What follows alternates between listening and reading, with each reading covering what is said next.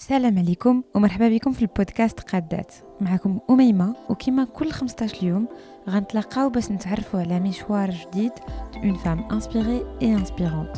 هاد النساء جايين من مجالات متعددة وفي أعمار مختلفة ولو بوان كومان بيناتهم هو قدرتهم أجيغ وتحقيقهم لبعض الأهداف ديالهم. داكشي علاش غنسولوهم على المراحل اللي دازوا منها والصعوبات اللي عرفوها باش نتعرفوا على وراء الكواليس ديال النجاحات ديالهم. الهدف اذا من هذا البودكاست هو أنه في دي زيبيزود كل وحدة وواحد فينا يكتشف أفكار جديدة وإلهام قوي لتحقيق حتى حنا كل الطموحات ديالنا. اليوم غنتحاوروا مع كنزة الحلو لإسات شركة استثمارات في مقاولات تكنولوجيك إفريقية ناشئة. في هذه الحلقة عودت لنا كنزة شحال كان السفر مرحلة الدراسة ديالها مهم باش تفهم العالم وتكتشف إمكانيات جديدة. دايوغ من بين التجارب ديالها في الخارج كان الوقت اللي دوزات في سان فرانسيسكو عنده تأثير كبير على حياتها.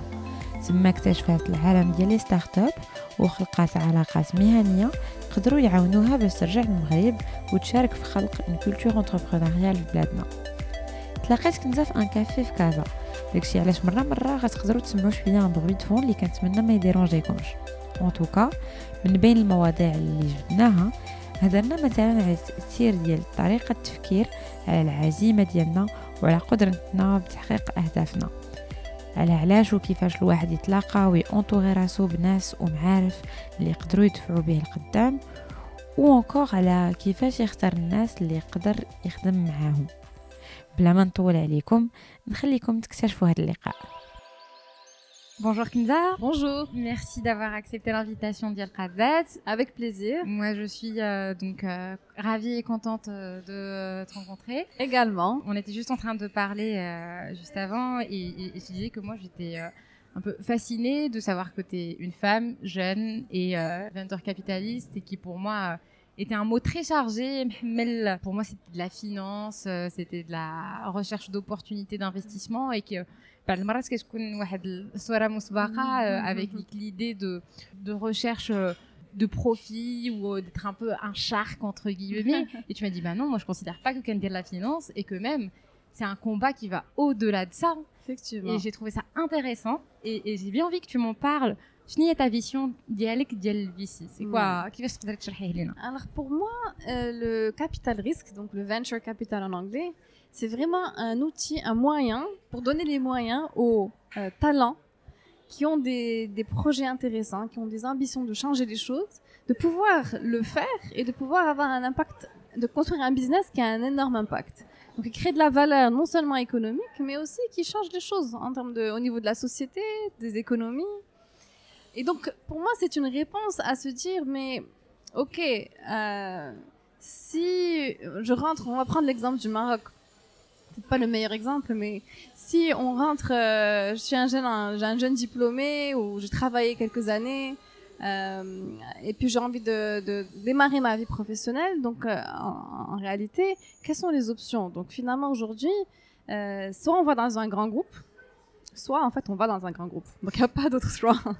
soit on va dans une PME, mais on va dire ok, mais en, en réalité, euh, l'autre option c'est d'avoir la chance d'avoir euh, des parents qui ont, qui, sont, qui ont été entrepreneurs, qui ont une société qu'on peut reprendre ou d'avoir les capitaux qu'il faut pour pouvoir monter euh, quelque chose. Euh, et avant, justement, il fallait des capitaux colossaux pour pouvoir monter euh, sa, sa, boîte, son entreprise, qui était généralement une usine, qui allait produire quelque chose, ou bien dans le service, et qui était assez capitalistique.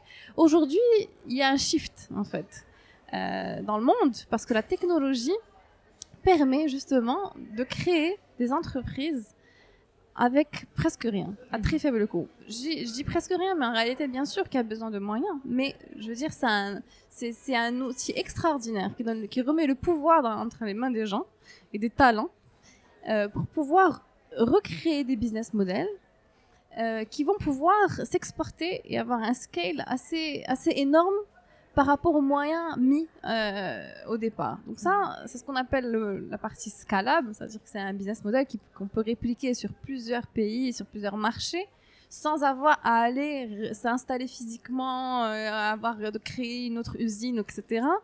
Euh, parce que justement, la technologie et le business model le permettent. Euh, et donc, c'est le venture capital vient en réponse à ces nouveaux modèles finalement, qui sont empowered avec la technologie, euh, pour donner les moyens à ces gens-là, à ces entrepreneurs euh, qui ont construit quelque chose, mais qui ont besoin de plus de ressources et plus de souffle pour pouvoir euh, le, faire grandir et le faire, le faire aboutir, faire avoir de la croissance et aller ben, réaliser, on va dire, euh, leurs ambitions à, dans le potentiel du marché, au maximum du potentiel de marché. Que ça soit sur euh, plusieurs pays, dans la région, au continent, au niveau mondial, pourquoi pas. Mais voilà, donc le capital risqueur prend un risque avec l'entrepreneur en se disant, moi je mise pas sur, euh, pas finalement sur des chiffres euh, ou sur une rentabilité aujourd'hui, parce qu'elle n'existe pas euh, la plupart du temps, mais sur des, sur des gens, sur des hommes, sur des femmes, euh, et donc sur des, sur des entrepreneurs, des équipes, des équipes voilà, pour pouvoir euh, réaliser l'ambition le, qu'ils ont. Mais bien sûr, un capital risque, il y a plusieurs stades d'investissement, il y a plusieurs niveaux. On n'investit pas que sur des, on n'investit surtout pas sur des idées. Mmh. On investit sur des gens. Et on investit à, à, un stade où il y a déjà un début de produit, de business model, un peu de ce qu'on appelle de traction, c'est-à-dire que ben il y a déjà des chiffres, il y a déjà, on voit que le marché répond, mmh. on voit qu'il y a un besoin sur le marché et surtout que ça résout un problème. Si ça résout pas de problème, ben il y a pas besoin, il y, y, a pas de business en fait. Donc, on écoute déjà le product market fit dialhome. Exact. Vous intervenez en ce qu'on appelle du early stage. Il y a plus mora la love money, mora. Exactement. Donc, c'est après les incubateurs, après les accélérateurs. Il faut qu'il y ait un produit sur le marché qu'ils aient trouvé leur début de market fit, qu'ils aient peut-être des first paying customers, donc des clients qui reçoivent. Premiers clients. Hein. Voilà. Euh, et, euh, et donc c'est au stade où on se dit ben il y a du potentiel, ils ont montré qu'ils qu pouvaient exécuter et que le marché euh, répond et donc du coup on va accélérer maintenant cette croissance. Donc c'est le rôle du capital risqueur et, et donc l'idée c'est de pouvoir accompagner l'entrepreneur en lui apportant non seulement du capital, mais du smart capital. Mmh. Donc tout ce qui veut, tout ce qui est euh, conseil, réseau, accès au marché, au-delà de l'argent. Bien sûr, ça va au-delà de l'argent parce que les tickets peuvent être relativement petits. Ou, mmh. Voilà, ça dépend. C'est-à-dire que c'est des tours de table parfois où il y a plusieurs fonds, donc ça, ça peut être des, des, des, des, gros, des grosses levées de fonds. Nous, on a investi dans des levées de fonds qui allaient jusqu'à 2-3 millions de dollars dans un tour de table et où nous on va mettre une partie de, de cette levée. Euh, ça peut être un petit ticket aussi, mais ce qu'on apporte, c'est justement au-delà de l'argent, c'est vraiment l'accès au marché surtout, et les réseaux et le, les conseils. Mmh. Donc un accompagnement ou qui m'a dit un système de mentoring c'est ça exactement et c'est surtout ouvrir des portes pour euh, au niveau au niveau marché commercial mmh. pour pouvoir avoir plus de clients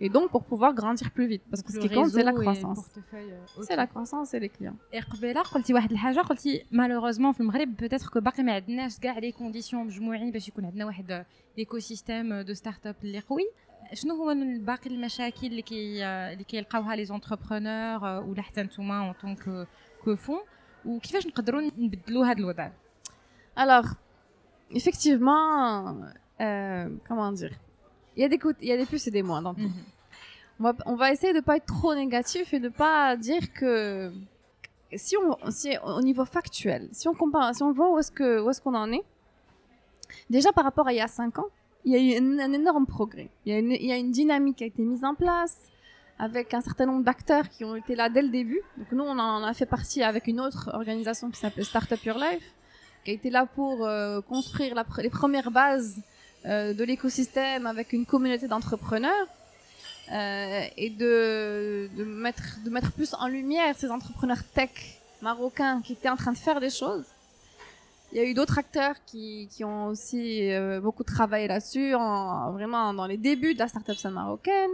Il y a eu par la suite euh, les grands groupes, le gouvernement et d'autres parties prenantes qui sont venues qui ont commencé à prendre conscience de l'importance et de l'intérêt que ça a pour le pays, pour la nation de manière générale sur du long terme, cette, cette ce tournant technologique et, digital. Euh, et donc les choses sont, on à se mettre, enfin, on à se mettre en place lentement avec d'autres programmes qui sont arrivés, avec des actions du gouvernement, euh, des fonds VC qui ont été créés, une réglementation qui est en train d'évoluer, mais tout ça prend beaucoup de temps. Et en réalité, quand on regarde ce qui se passe concrètement, et on regarde les chiffres, et on regarde les autres pays africains, on va même pas se comparer à l'Europe ou, la- ou la- ou les États-Unis, mais les autres pays africains, où est-ce qu'ils en sont? On est à des années-lumière. En termes de, euh, de funding, donc de, de, de- de montant de, capital risque investi dans les startups au Maroc par rapport à en, en, en Afrique du Sud, euh, au Nigeria, au Kenya ou même en Égypte, qui sont vraiment les pays phares qui tirent euh, la croissance du capital risque en Afrique. Donc juste pour donner quelques, chiffres et des exemples, euh, en 2018, il y a eu plus de 350 millions de dollars investis au Nigeria seul, au Kenya presque pareil, en Afrique du Sud dans les mêmes, euh, dans les mêmes ratios, comparé à 4 millions au Maroc. Donc euh, on parle de... C'est un, facteur énorme de différence. Euh, sachant que cette évolution, cette croissance a été euh, fulgurante pour ces pays-là, qui sont les trois pays qui, qui vraiment tirent l'Afrique de manière générale. Et que en 2017, c'était à peu près 250 millions. En, en 2018, c'était à peu près... euh, en 2000, pardon, en 2016, c'était à peu près 150 millions pour, chacun de ces pays-là.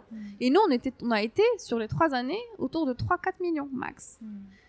Alors, ça ne décolle pas, et mal- malgré le fait qu'il y ait des VC qui ont été créés et que. euh, pourquoi? Alors, il y a plusieurs raisons, il y a plusieurs facteurs. Et en ayant voyagé dans ces pays-là et investi aujourd'hui, on a investi au Nigeria, au Kenya, en Égypte, euh, également dans une start-up marocaine, mais seulement une pour l'instant. Euh, on a pu constater les différences et voir un petit peu comment ça se passait dans ces écosystèmes-là. Et ben en fait, il y a beaucoup de donc chacun chacun chacun des écosystèmes est particulier, mais déjà c'est il y une y a un problème de taille de marché déjà. Donc euh, l'Égypte c'est un énorme marché, euh, presque 100 millions d'habitants. Le Nigeria c'est 200 millions. Le Kenya par contre, ce n'est pas un si grand marché que ça par rapport à ces pays-là. Ils sont à, à peu près 44 millions, nous à 34. Donc donc finalement la taille du marché joue, mais ce n'est pas le seul le seul composant, le seul élément. Donc l'autre chose c'est en termes de dynamisme de marché. Au Maroc, euh, ce qui est paradoxal, c'est qu'en termes d'infrastructure, on est très fort. On est, on est euh, probablement euh, le numéro 2 euh, après l'Afrique du Sud. Euh, tous les Africains qui viennent au Maroc sont bluffés par l'état de nos routes, euh, la- la- le développement de nos villes, etc. Effectivement, donc les, les- les trains, les, euh, la téléphonie, etc. Il n'y a rien à dire. Mais Mais cette, on va dire, cette, le fait que on- le Maroc ait des fortes infrastructures fait aussi peut-être que il y a une- un système qui est assez euh, fermé et qu'en termes de marché, c'est très très dur de pénétrer le marché. Les grands groupes, il y a, y a, euh, enfin, y a des leaders euh, sur les secteurs clés et, et le marché est assez consolidé surtout au niveau de la banque, de l'assurance. Et donc, c'est vraiment euh, quelques leaders qui tirent, euh, qui font, qui font l'économie, en fait. Et c'est très difficile euh, d'avoir accès au marché. Les, gr- les grandes entreprises sont encore très... Enfin, même si beaucoup d'entre elles se positionnent, veulent travailler avec les startups, font des programmes d'innovation, mais les cycles de vente sont encore très, très longs et ne conviennent pas du tout à la- manière de travailler d'une startup. Donc, encore les mentalités des décideurs malgré le fait qu'elles aient beaucoup changé ces derniers temps, donc ça c'est très positif avec beaucoup d'actions qui ont été faites, des hackathons, des choses, bon, il faut, faut commencer, euh, ça permet de changer les mentalités de l'intérieur, euh, mais euh, il y a encore très peu de... De manque d'agilité. Voilà, exactement. Donc il y a un manque d'agilité et le marché est assez fermé et très très réglementé. Et c'est cette forte réglementation, cette lourdeur de la réglementation qui fait que ça prend du temps, ça peine, ça pour n'importe quoi, ça c'est voilà, ça, pour n'importe quoi, ça va traîner et ça va euh, ça va poser des complications supplémentaires à la à- aux réalités que vivent l'entrepreneur, de- aux- juste aux besoins de business. Euh, au de se concentrer sur, sur faire grandir son business, l'entrepreneur va devoir gérer des lourdeurs administratives ou de ré- réglementaires euh, auxquelles ils ne seront pas, confrontés dans un autre, euh, bah, juste au Kenya ou au Nigeria, parce qu'il y a peut-être un peu plus de flexibilité. Voilà. Et du coup, euh. L'entrepreneur il doit se concentrer à le produit dialogue. Voilà. Est Alors, un est exemple, au Kenya, par exemple, au niveau de la réglementation, euh, on, a, on a rencontré énormément de startups en fintech Mhm. qui nous disent, alors moi, je- on leur demande est-ce que vous avez un agrément? On leur dit- Ils nous disent non, on n'a pas d'agrément, mais on a une autorisation de la Banque centrale de pouvoir opérer et euh, comme, euh, en disant qu'il n'y a pas de règles, de réglementation autour de ça, mais vous n'êtes pas, euh, euh, vous n'êtes pas, euh, comment dire, euh, on vous permet de, continuer vos opérations. Alors qu'ici c'est l'inverse, c'est ah il a pas, non, c'est le non d'abord, donc c'est non, on veut arrêter, c'est pas possible. Alors que dans les pays anglophones, on a une autre anglo-saxon, on a une autre mentalité qui est, eh ben, tant que c'est pas réglementé, vous pouvez faire. Donc c'est ça, euh, vraiment une énorme différence. Donc ça freine énormément l'innovation.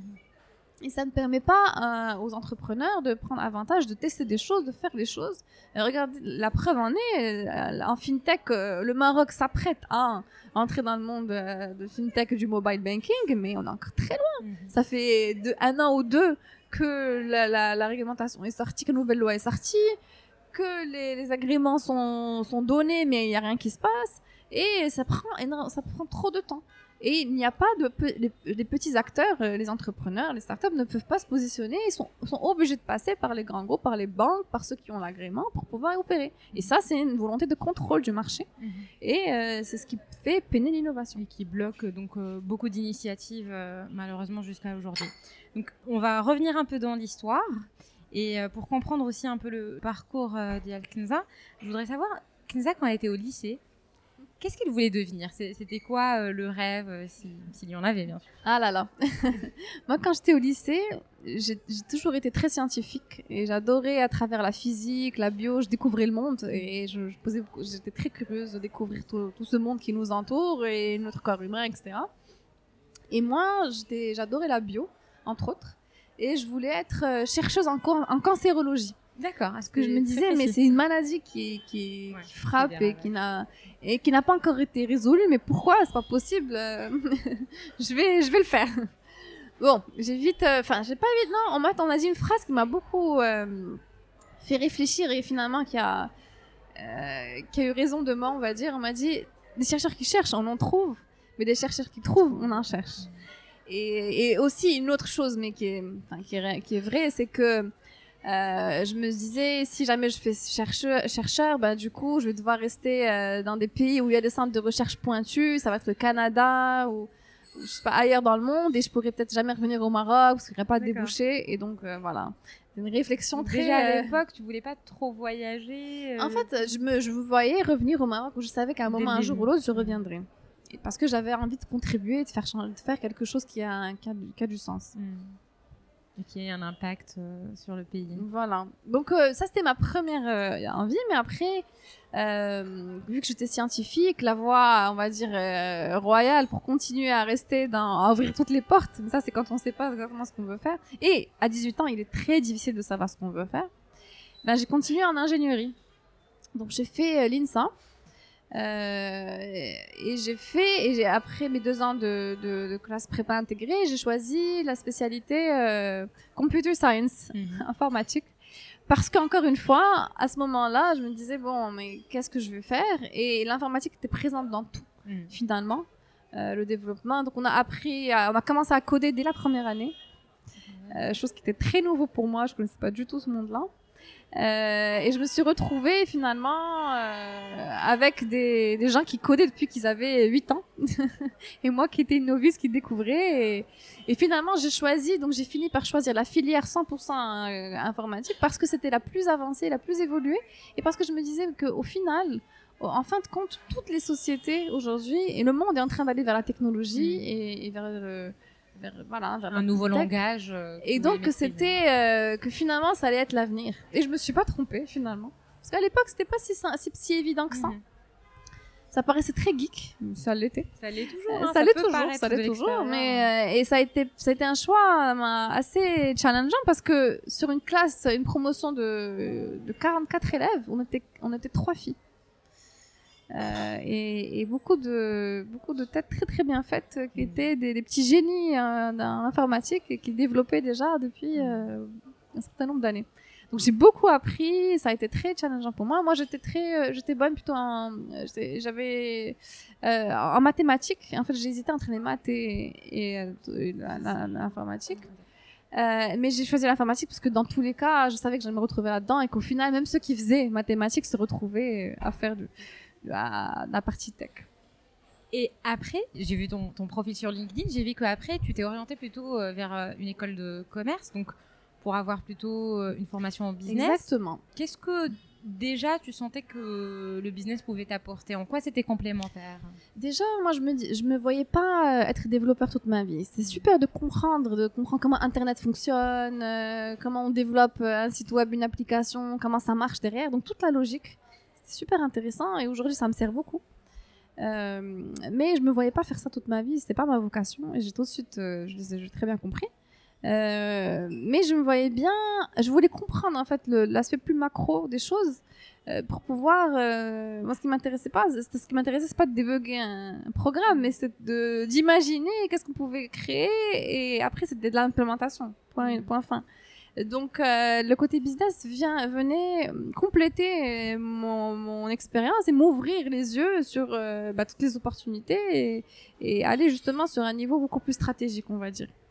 Donc euh, et en fait le choix était aussi motivé par le fait que j'ai fait mes études en France, mais j'étais consciente depuis le départ que la France est un pays.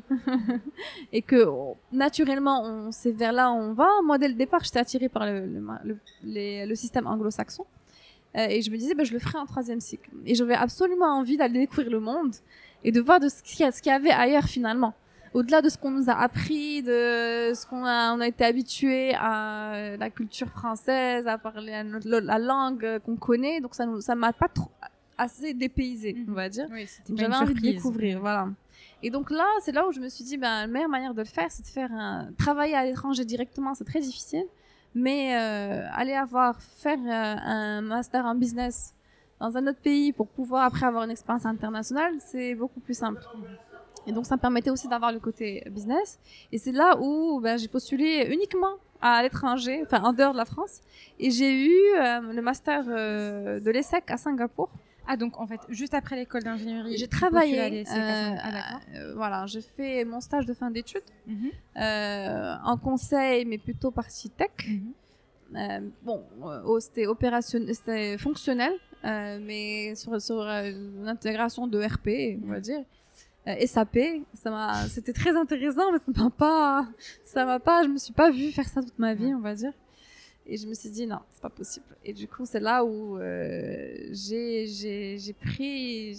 C'était un leapfrog. Je me dis, il faut que je fasse un truc, il faut que je sorte de, des sentiers euh, battus et euh, d'aller découvrir ce qu'il y a le monde à, à offrir. Et c'est comme ça que je me suis retrouvée à, Singapour. en Asie.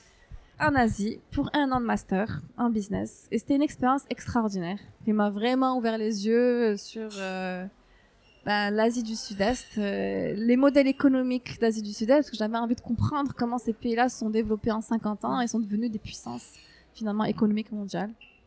Et chez nous, euh, ouais, ils t'ont plus marqué par la période euh, bah, Déjà, la, région est magnifique, donc c'est une, une, opportunité, voilà, de voyager, de beaucoup voyager, découvrir les cultures, de découvrir d'autres modes de vie finalement.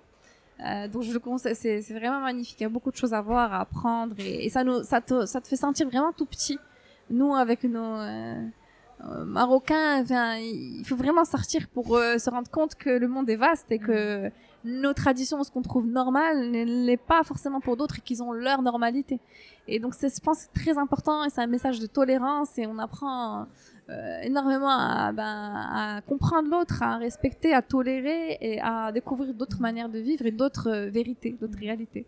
Qui sont pour il n'y a pas une vérité Il n'y a pas une vérité unique, exactement.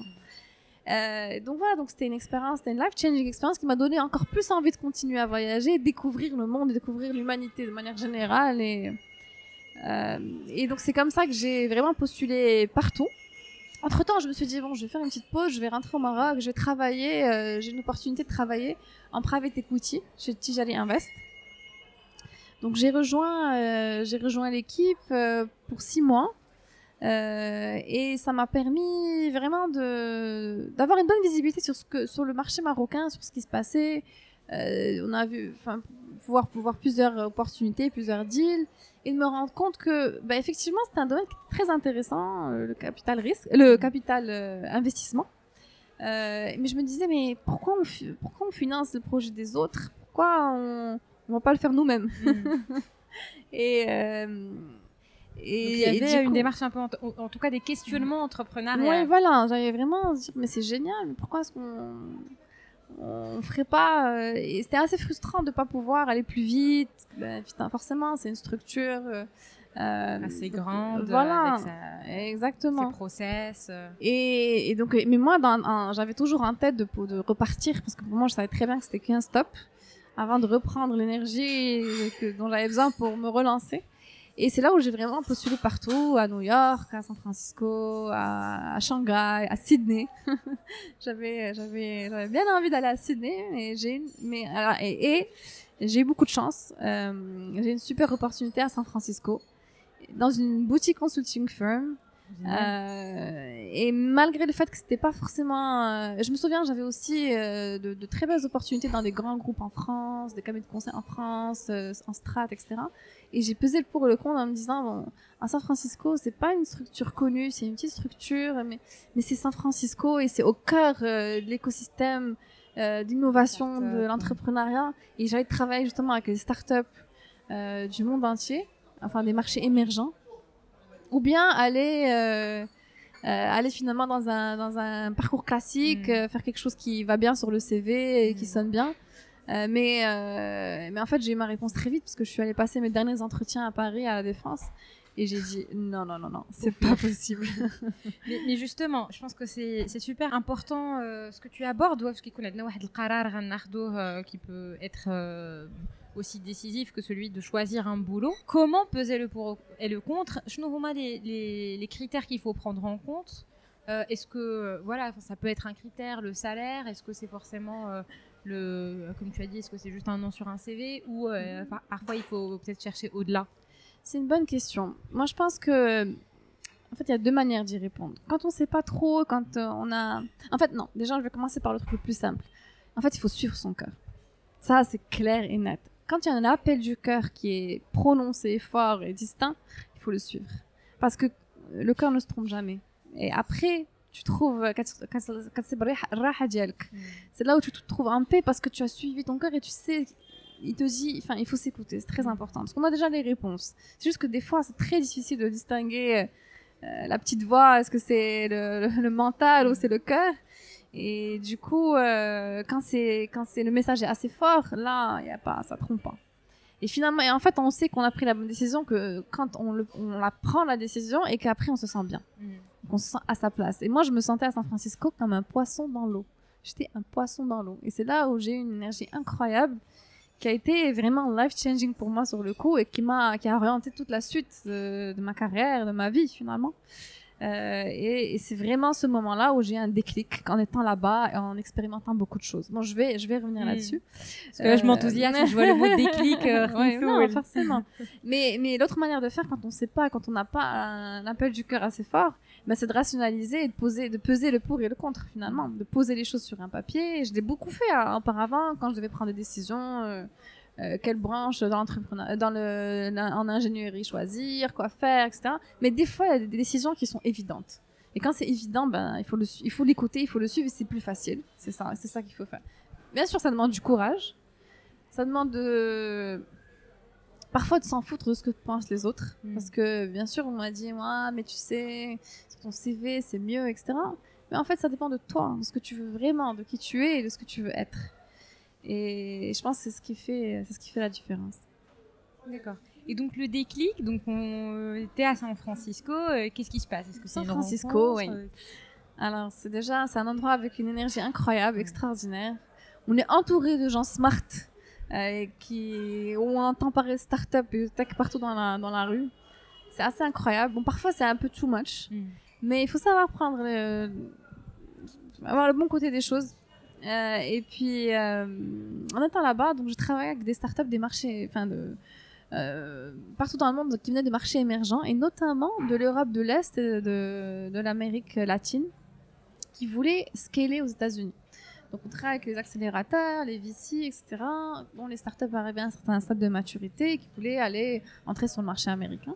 Donc ça m'a donné une visibilité de ce qui se passait dans le monde, mais vraiment au niveau 360. Euh, et je me suis rendu compte qu'il y avait des pays mais auxquels on pense même pas, comme la Lituanie à l'époque ou le Pakistan, qui étaient déjà en train d'investir lourdement dans leur écosystème et qui avaient compris que c'était la clé de, du succès de leur pays de demain. Euh, et je voyais des délégations qui arrivaient à San Francisco, on les recevait, on leur faisait, euh, on, leur, présentait un petit peu, on leur expliquait comment ça, ça a marché. Et je me disais, mais en fait, c'est la mecque euh, l'innovation et tout le monde regarde vers là comme si c'était waouh, le truc. Et, mais, mais je me disais, mais ces gens-là, ils ont compris que c'était le moment de, de former leurs mentors, leurs business angels, euh, d'investir dans l'infrastructure euh, de leur écosystème tech dans leur pays, parce qu'ils savent qu'il y a une transition digitale, technologique, et que c'est l'avenir pour leur génération, pour les rendre, pour les faire contribuer à développer l'économie de leur pays et ne plus être consommatrices. Et c'est ce qui fait, je me suis dit, mais qu'est-ce qu'on fait nous au Maroc? Où est-ce qu'on en est? Je me souviens, j'ai pris mon téléphone et j'ai appelé la seule personne que je connaissais à l'époque qui travaillait, qui avait monté sa start-up. C'était une des premières start-up au Maroc, s'appelait Greendizer. C'est mon ami Amine. Euh, et je lui disais, mais en fait. Comme start-up euh, C'était la digitalisation des factures. Mais c'était bien trop tôt pour le Maroc. Et ils se sont confrontés à tous les challenges euh, possibles et imaginables. Ils bah, ont levé des fonds. sur ce concept de time to market. Ouais, très important le time to market. Je pense que c'était une, bonne expérience. Ils ont beaucoup appris et c'était aussi la première vague de start-up au Maroc. Donc c'était vraiment. Donc ils ont levé des fonds euh, et, il m'a dit, je lui dis, alors que, comment ça se passe, qu'est-ce que, euh, comment ça se passe au Maroc, etc. Et il me dit, mais écoute, euh, ben, les entrepreneurs ne se connaissent même pas entre eux. Et il y a quelques business angels, il y a un fonds et voilà, c'est tout. Non, mais attends, c'est pas possible.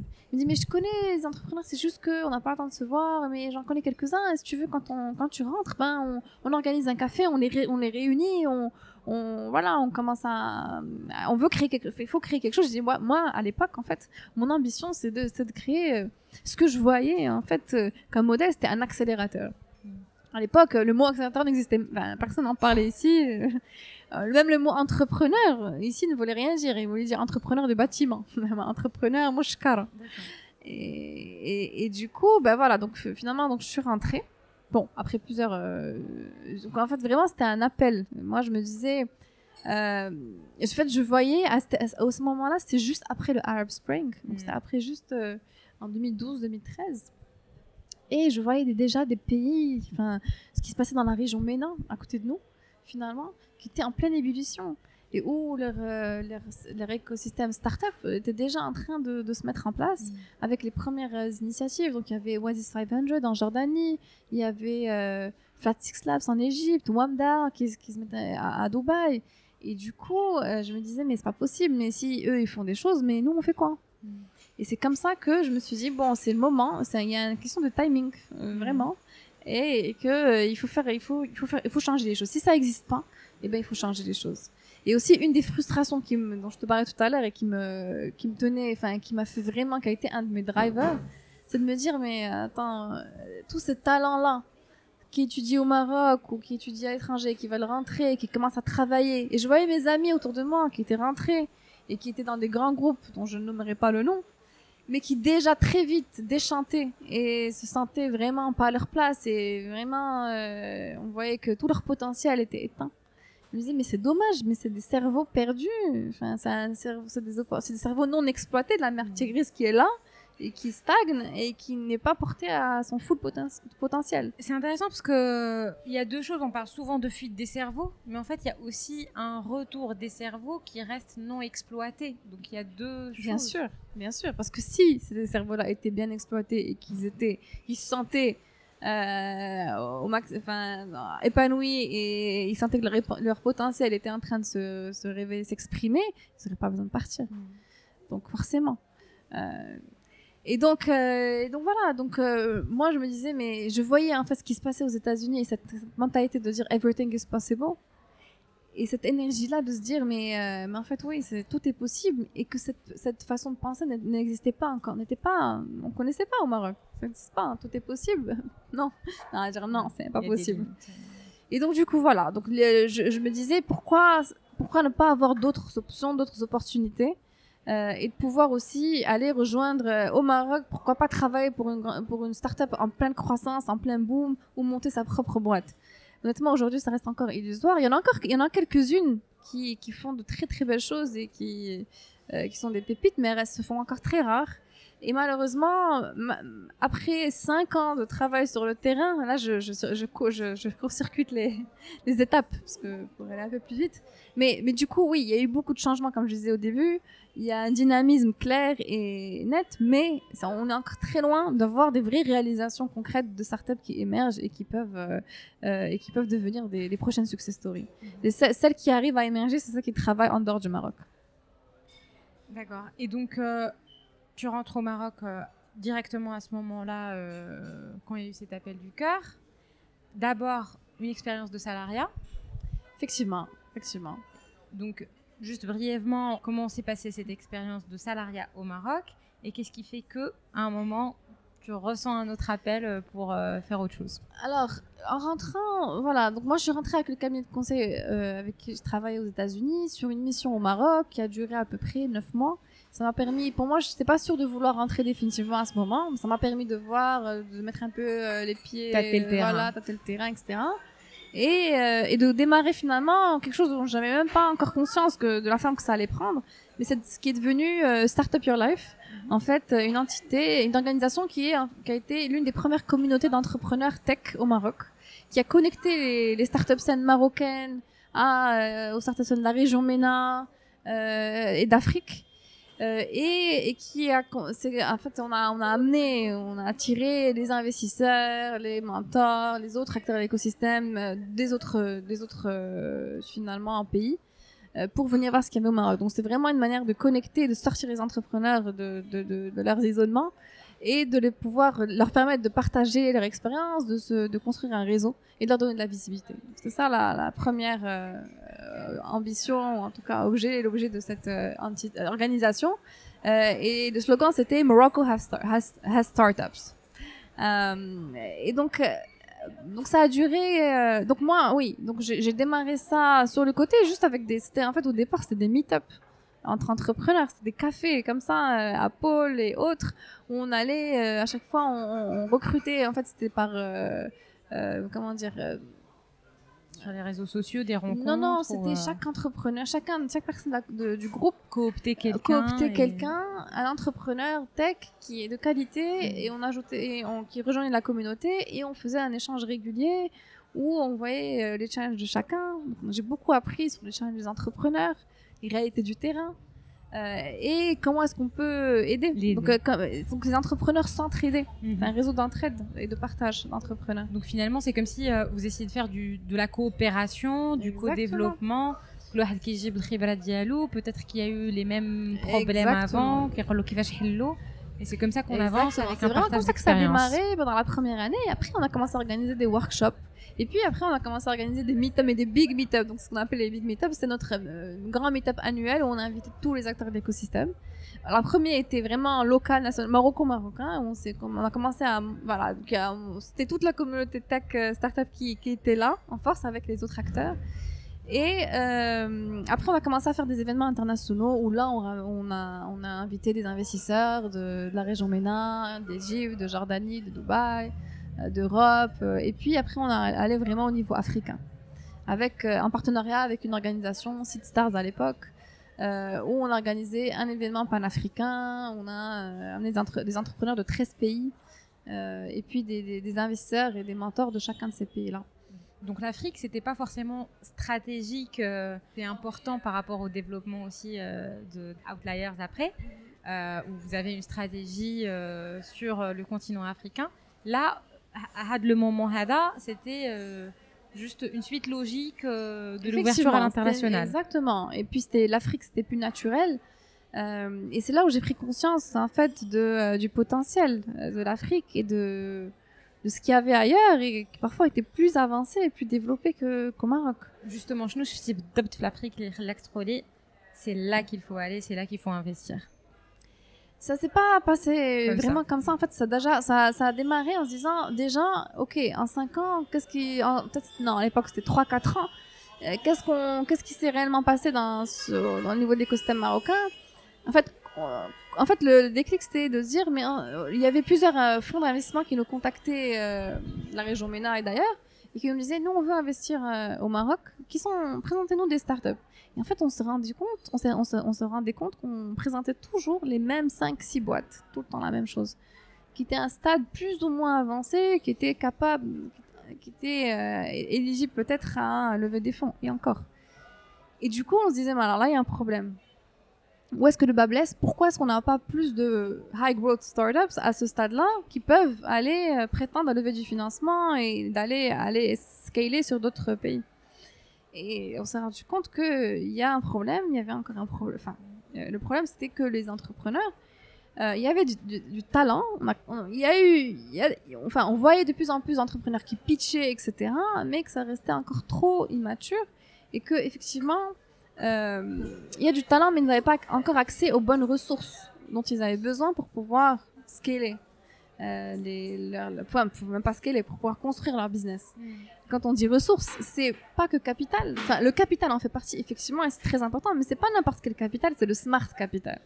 Et donc, d'où l'intérêt, d'où euh, Outliers Ventures, de se dire, ben, en fait, on met, on, on crée une, enfin, c'est un véhicule, c'est un fonds, euh, où on met autour du fonds les bonnes ressources, le capital nécessaire, mais qui n'est pas, mais avec les bons, les bons euh, investisseurs autour, qui sont des serial entrepreneurs qui ont levé, revendu leur boîte euh, ou qui sont des, investisseurs aguerris et qui peuvent apporter ce bon mindset et les, les advice nécessaires non seulement à l'équipe de management qui est nous, mais aussi aux portfolio companies. Euh, et, on s'est vraiment positionné comme des entrepreneurs en se disant mais en fait si on veut monter un fonds et montrer que en fait c'est possible d'investir dans des successful companies en Afrique d'investir dans des success stories africaines euh, le Maroc n'est pas suffisant en fait. Parce que quand on regarde ça d'un point de vue purement entrepreneurial quand on regarde le potentiel du marché la profondeur du marché c'est presque c'est quasi impossible de monter un fonds VC uniquement 100% marocain euh, pour investir dans, si on veut investir dans les meilleurs deals, il faut aller chercher là où ils sont. Et là où ils sont, pour pouvoir avoir un pipe assez important, il faut être régional au moins, si ce n'est continental. Et c'est comme ça que la genèse d'Outliers Ventures, c'est de dire, mais en fait, euh, quand on va sizer euh, le fonds, on va aller là, si on veut que nos investisseurs, on veut, si on veut répondre à la promesse qu'on fait à nos investisseurs, de pouvoir investir dans des entreprises africaines qui font un retour sur investissement, il faut aller investir dans les meilleurs et les meilleurs, on va en trouver quelques-unes au Maroc, mais jamais suffisamment pour pouvoir avoir la, la loi des grands nombres qui font le succès des fonds. Et donc, d'où l'objet, d'où la raison pour laquelle on sait euh, euh, le fonds est à dimension vraiment africaine et qu'en étudiant les chiffres et en regardant là où il y a le plus de potentiel et où va l'investissement, on se rend compte très vite que le Nigeria, le Kenya, l'Afrique du Sud sont incontournables, que l'Égypte se positionne très très bien avec de plus en plus de- de- d'entrepreneurs très euh, vraiment très très intéressants et très forts qui montent des business euh, qui scalent très très vite. Il y a Swivel qui a levé 40 millions de dollars récemment. On a investi dans une startup en Égypte récemment il y a six mois qui, qui a relevé, qui a fait un tour de moins d'un million de dollars il y a, il y a six mois et qui aujourd'hui a levé euh, 5 millions de dollars avec euh, euh, des fonds euh, dont je ne citerai pas non parce que on- ça va être bientôt annoncé, euh, mais de, la, ré- de, de Dubaï qui sont parmi les meilleurs VC de la région. Donc et qui ont fait on a fait en, on a fait en six mois une, un multiple de, de valorisation énorme. Donc c'est possible et ça c'est juste à côté au Maroc on voit pas encore ça. On est loin de voir ça. Et chez ces, chez ces entrepreneurs-là euh, que tu vois, que tu rencontres, tu as parlé tout à l'heure de mindset. Je voulais savoir, c'est quoi les autres patterns qu'on peut retrouver et, euh, et qui sont communs à les entrepreneurs euh, qui ont des idées et des initiatives qu'ils prennent? Alors, en termes de mindset d'entrepreneur, déjà, être entrepreneur et vouloir monter sa boîte, c'est pas juste pour le fun et pour être dans la tendance de. Parce qu'il y a beaucoup de buzz et il y a beaucoup de, de gens qui veulent se lancer en entrepreneuriat juste parce que c'est c'est cool. C'est à la mode. Alors que vraiment, c'est c'est très difficile. C'est et il faut, c'est-à-dire, un entrepreneur pour moi, c'est quelqu'un qui, qui, qui va résoudre un problème. Et s'il n'y a pas de problème à résoudre, alors il n'y a pas de business. Donc nous, ce qu'on regarde d'abord, c'est le problème auquel s'attaque l'entrepreneur et le business model avec lequel ils veulent faire. Bien sûr, le potentiel de marché et lui, son sa propre, euh, son background, est-ce qu'il a eu une expérience dans cette industrie avant? Parce que ça aide énormément. Il comprend l'industrie, il sait, il, il- sait, il sait, euh, les choses, les choses qui manquent et là où il faut euh, les gaps qu'il y a et les choses à résoudre. et du coup, ça c'est très important. Et donc, au Maroc, malheureusement, moi, ce que je vois beaucoup dans les, projets que je, que je rencontre, c'est que les problèmes qui sont identifiés ne sont pas forcément les bons. Et parfois, quand il y a, parfois c'est le marché qui est pas bien. Parfois, les, entrepreneurs s'attaquent à des, à, des, à des problèmes qui sont sur des marchés niches. Mm. Et on peut pas. Le B2C, par exemple, c'est un marché, c'est très difficile comme business model parce qu'il n'y a pas beaucoup de, il y a pas vraiment de marché. Mm. Euh, le pouvoir d'achat est très limité dans tout ce qui est tech et digital. Si on veut faire euh, du B2C, euh, même Jumia qui a tous les moyens et tous les fonds, euh, ça reste assez limité. Donc, avant d'être un Jumia, et encore, il y a très peu de chances de pouvoir construire un business euh, solide et scalable. En Afrique, en tout cas, pour le B2C. Et ça, c'est notre thèse d'investissement. Et c'est pour ça que nous, on se concentre vraiment sur le B2B. Il y a d'énormes potentiels dans le B2B. Il y a vraiment des problématiques, des problèmes dans des industries clés comme la fintech, l'insurtech, l'agritech, la logistique, euh, le health tech qui peuvent être résolus avec euh, des, un business model qui leverage la technologie. Donc en fait, notre vraiment notre thèse d'investissement, c'est on investit dans des startups qui leverage la technologie, donc qui utilisent la technologie pour résoudre des vraies problématiques dans des secteurs clés, euh, avec un business, un business model innovant et scalable, et sur les, les, écosystèmes dans les géographies les plus dynamiques d'Afrique. Mmh. Donc concrètement, de, ta part, euh, c'est aussi euh, beaucoup de, de recherches pour comprendre euh, le, secteur où, auquel s'attaque l'entrepreneur. Est-ce que pour les accompagner, ça vous demande aussi de votre part une recherche sur le business et, le développement de l'expertise ou, rechercher des gens qui ont cette expertise-là pour les aider sur ce, cette question qui peut être pointue? Bien sûr. Comment ça se Donc nous-mêmes, bien sûr, au fur et à mesure, on s'est concentré sur un certain nombre d'industries qu'on comprend. Et au fur et à mesure de regarder des deals, de voir des dossiers, ben on, il y a des choses qui à, voilà, on a des, réflexes, on, on, comprend les business models et on voit ceux qui sont qui font sens et ceux qu'on en fait on va chercher des business models au final. Parce qu'on on voit euh, ce qui fonctionne pas et ce qui fonctionne et on va aller orienter nos recherches là-dessus. Mhm. Après, bien sûr, on regarde, on reçoit énormément de, de, de deals, de sollicitations qu'on regarde en détail l'une après l'autre parce que ça nous permet aussi d'apprendre et de mieux avoir une visibilité sur le, sur le marché, sur le secteur. Et, et euh, une fois que, donc pour ta question, une fois qu'on investit et qu'on choisit d'investir dans une, dans une start-up, ben, on va l'accompagner, on va l'aider, on va comprendre déjà. L'entrepreneur, souvent, euh, en sait beaucoup plus que l'investisseur. Mm. Et l'investisseur n'est pas là pour. Euh, enfin, il faut que l'entrepreneur soit expert dans son domaine beaucoup plus que l'investisseur ne peut l'être. Mm-hmm. Euh, et l'investisseur est là pour euh, débloquer des choses ou pour l'aider avec un regard extérieur et pour il a il a skin in the game comme on dit pour aller chercher euh, ce qui lui manque. C'est-à-dire c'est moi je pense beaucoup aux, aux, aux, ouvertures de marché surtout hein, pouvoir structurer un partenariat clé avec euh, un acteur, le leader dans ça, qui va lui permettre de débloquer et d'aller trouver des clients, euh, des clients potentiels dans son réseau, euh. ou bien aller avoir accès dans son réseau. Euh, par exemple, nous, par exemple, je sais pas, on a investi dans une entreprise dans la data. et du coup, quand ils ont besoin de quand, quand, quand c'est un sujet assez pointu, et donc nous, dans notre réseau, on va aller chercher les experts, que ce soit nos investisseurs, nos advisors, ou des gens dans le réseau de nos advisors et de nos investisseurs, qui vont aller nous mettre en relation avec ces experts-là qui peuvent répondre à des problématiques de nos portefeuilles de compagnie. Donc on est les relais finalement de ces entrepreneurs. Une question aussi par rapport au début euh, euh, d'Outliers. Je voulais juste savoir, avant de te lancer dans, l'aventure, est-ce que c'était très clair euh, et limpide pour toi? Ou là il y a eu quelques peurs en amont? Est-ce que tu as hésité sur certaines choses? Et quelles étaient ces peurs? Et comment tu les as dépassées surtout? Alors, je, bien sûr qu'il y a eu des peurs, évidemment, bien sûr, et heureusement, parce que bon, déjà, c'est pas, je me suis jamais réveillée en me disant demain je monte un fond. Mm. non, c'est pas, c'est pas, c'est pas arrivé comme ça. C'était vraiment graduel, mais c'était surtout des rencontres. C'est des rencontres qui m'ont euh, encore une fois donné ce déclic-là et qui ont fait que j'ai pu avancer. Et j'ai pu faire. Pour moi, c'était presque, c'était impossible. Pour moi, monter, quoi, monter un, monter un fond, je pour moi, c'était euh, trop compliqué, trop gros. Et bien sûr, j'ai entendu, on me l'a dit plusieurs fois, non mais ça va pas, c'est trop dur, c'est trop compliqué, tu vas pas y arriver, c'est pas possible. Mais en fait, c'est d'abord, il faut, je pense que c'est une question de mindset. C'est vraiment dans la tête que ça se fait. Vraiment. Parce que tu peux avoir les mêmes connaissances, les mêmes, euh, la même expérience, mais avoir un mindset différent qui te dit mais c'est possible pour que tu accomplisses des choses qui te paraissent infaisables. Et j'ai eu beaucoup de chance d'être entourée par les bonnes personnes et de rencontrer les bonnes personnes.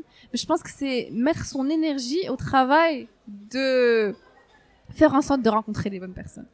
Et quand tu as le bon drive que tu sais le, tu as le, tu as le why qui est assez grand, qui est assez fort, je pense qu'il te guide vers le, bon, la bonne direction et qui met sur ton chemin les bonnes personnes.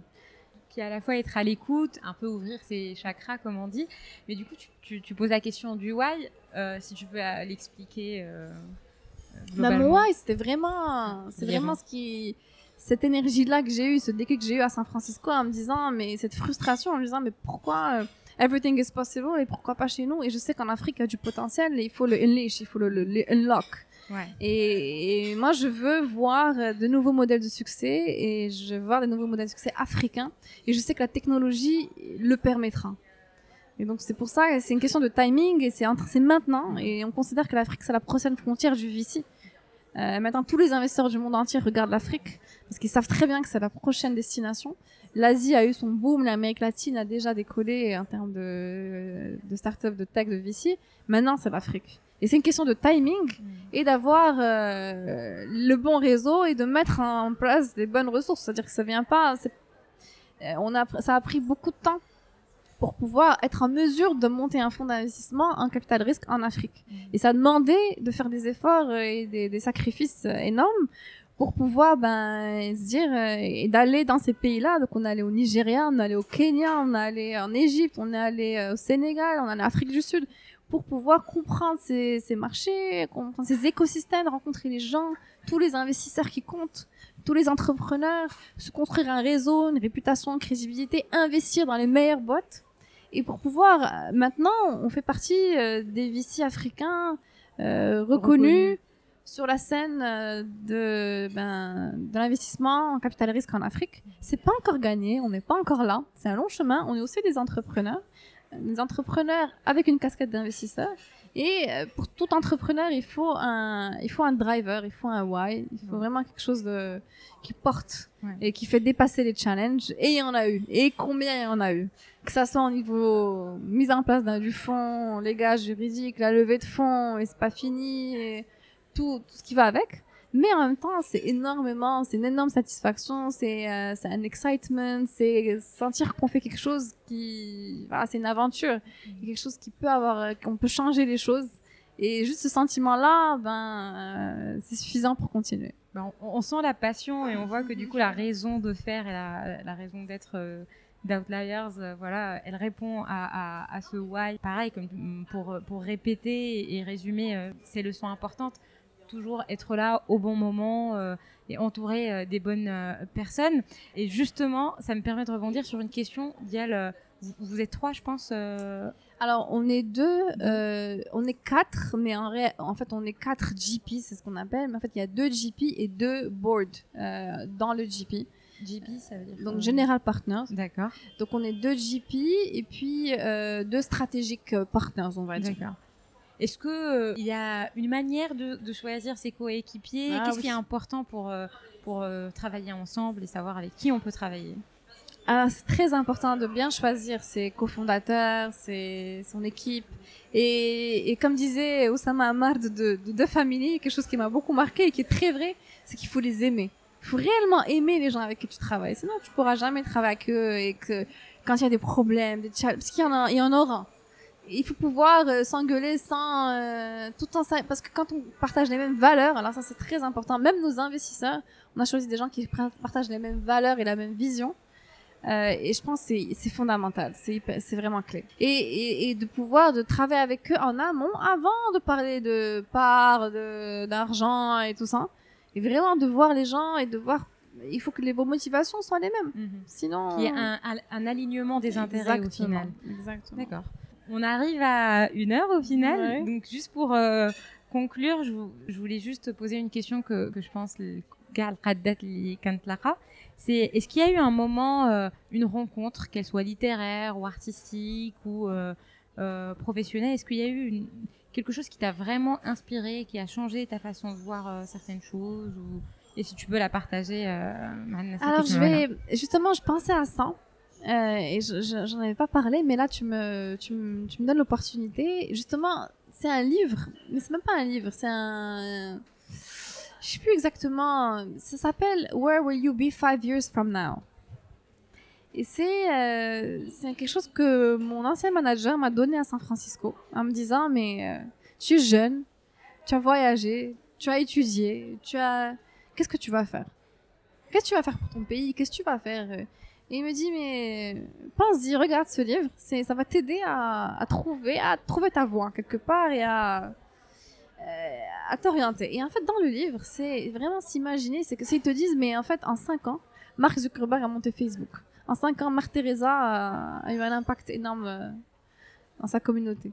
Euh, en cinq ans, il y a des choses extraordinaires qui, ont pu être créées. Et toi, dans cinq ans, qu'est-ce que tu vas faire? Et, je me souviens même, un passage, c'est de pour pouvoir se, projeter, parce que c'est difficile de se dire, bon, mais, dans cinq ans, qu'est-ce que je peux...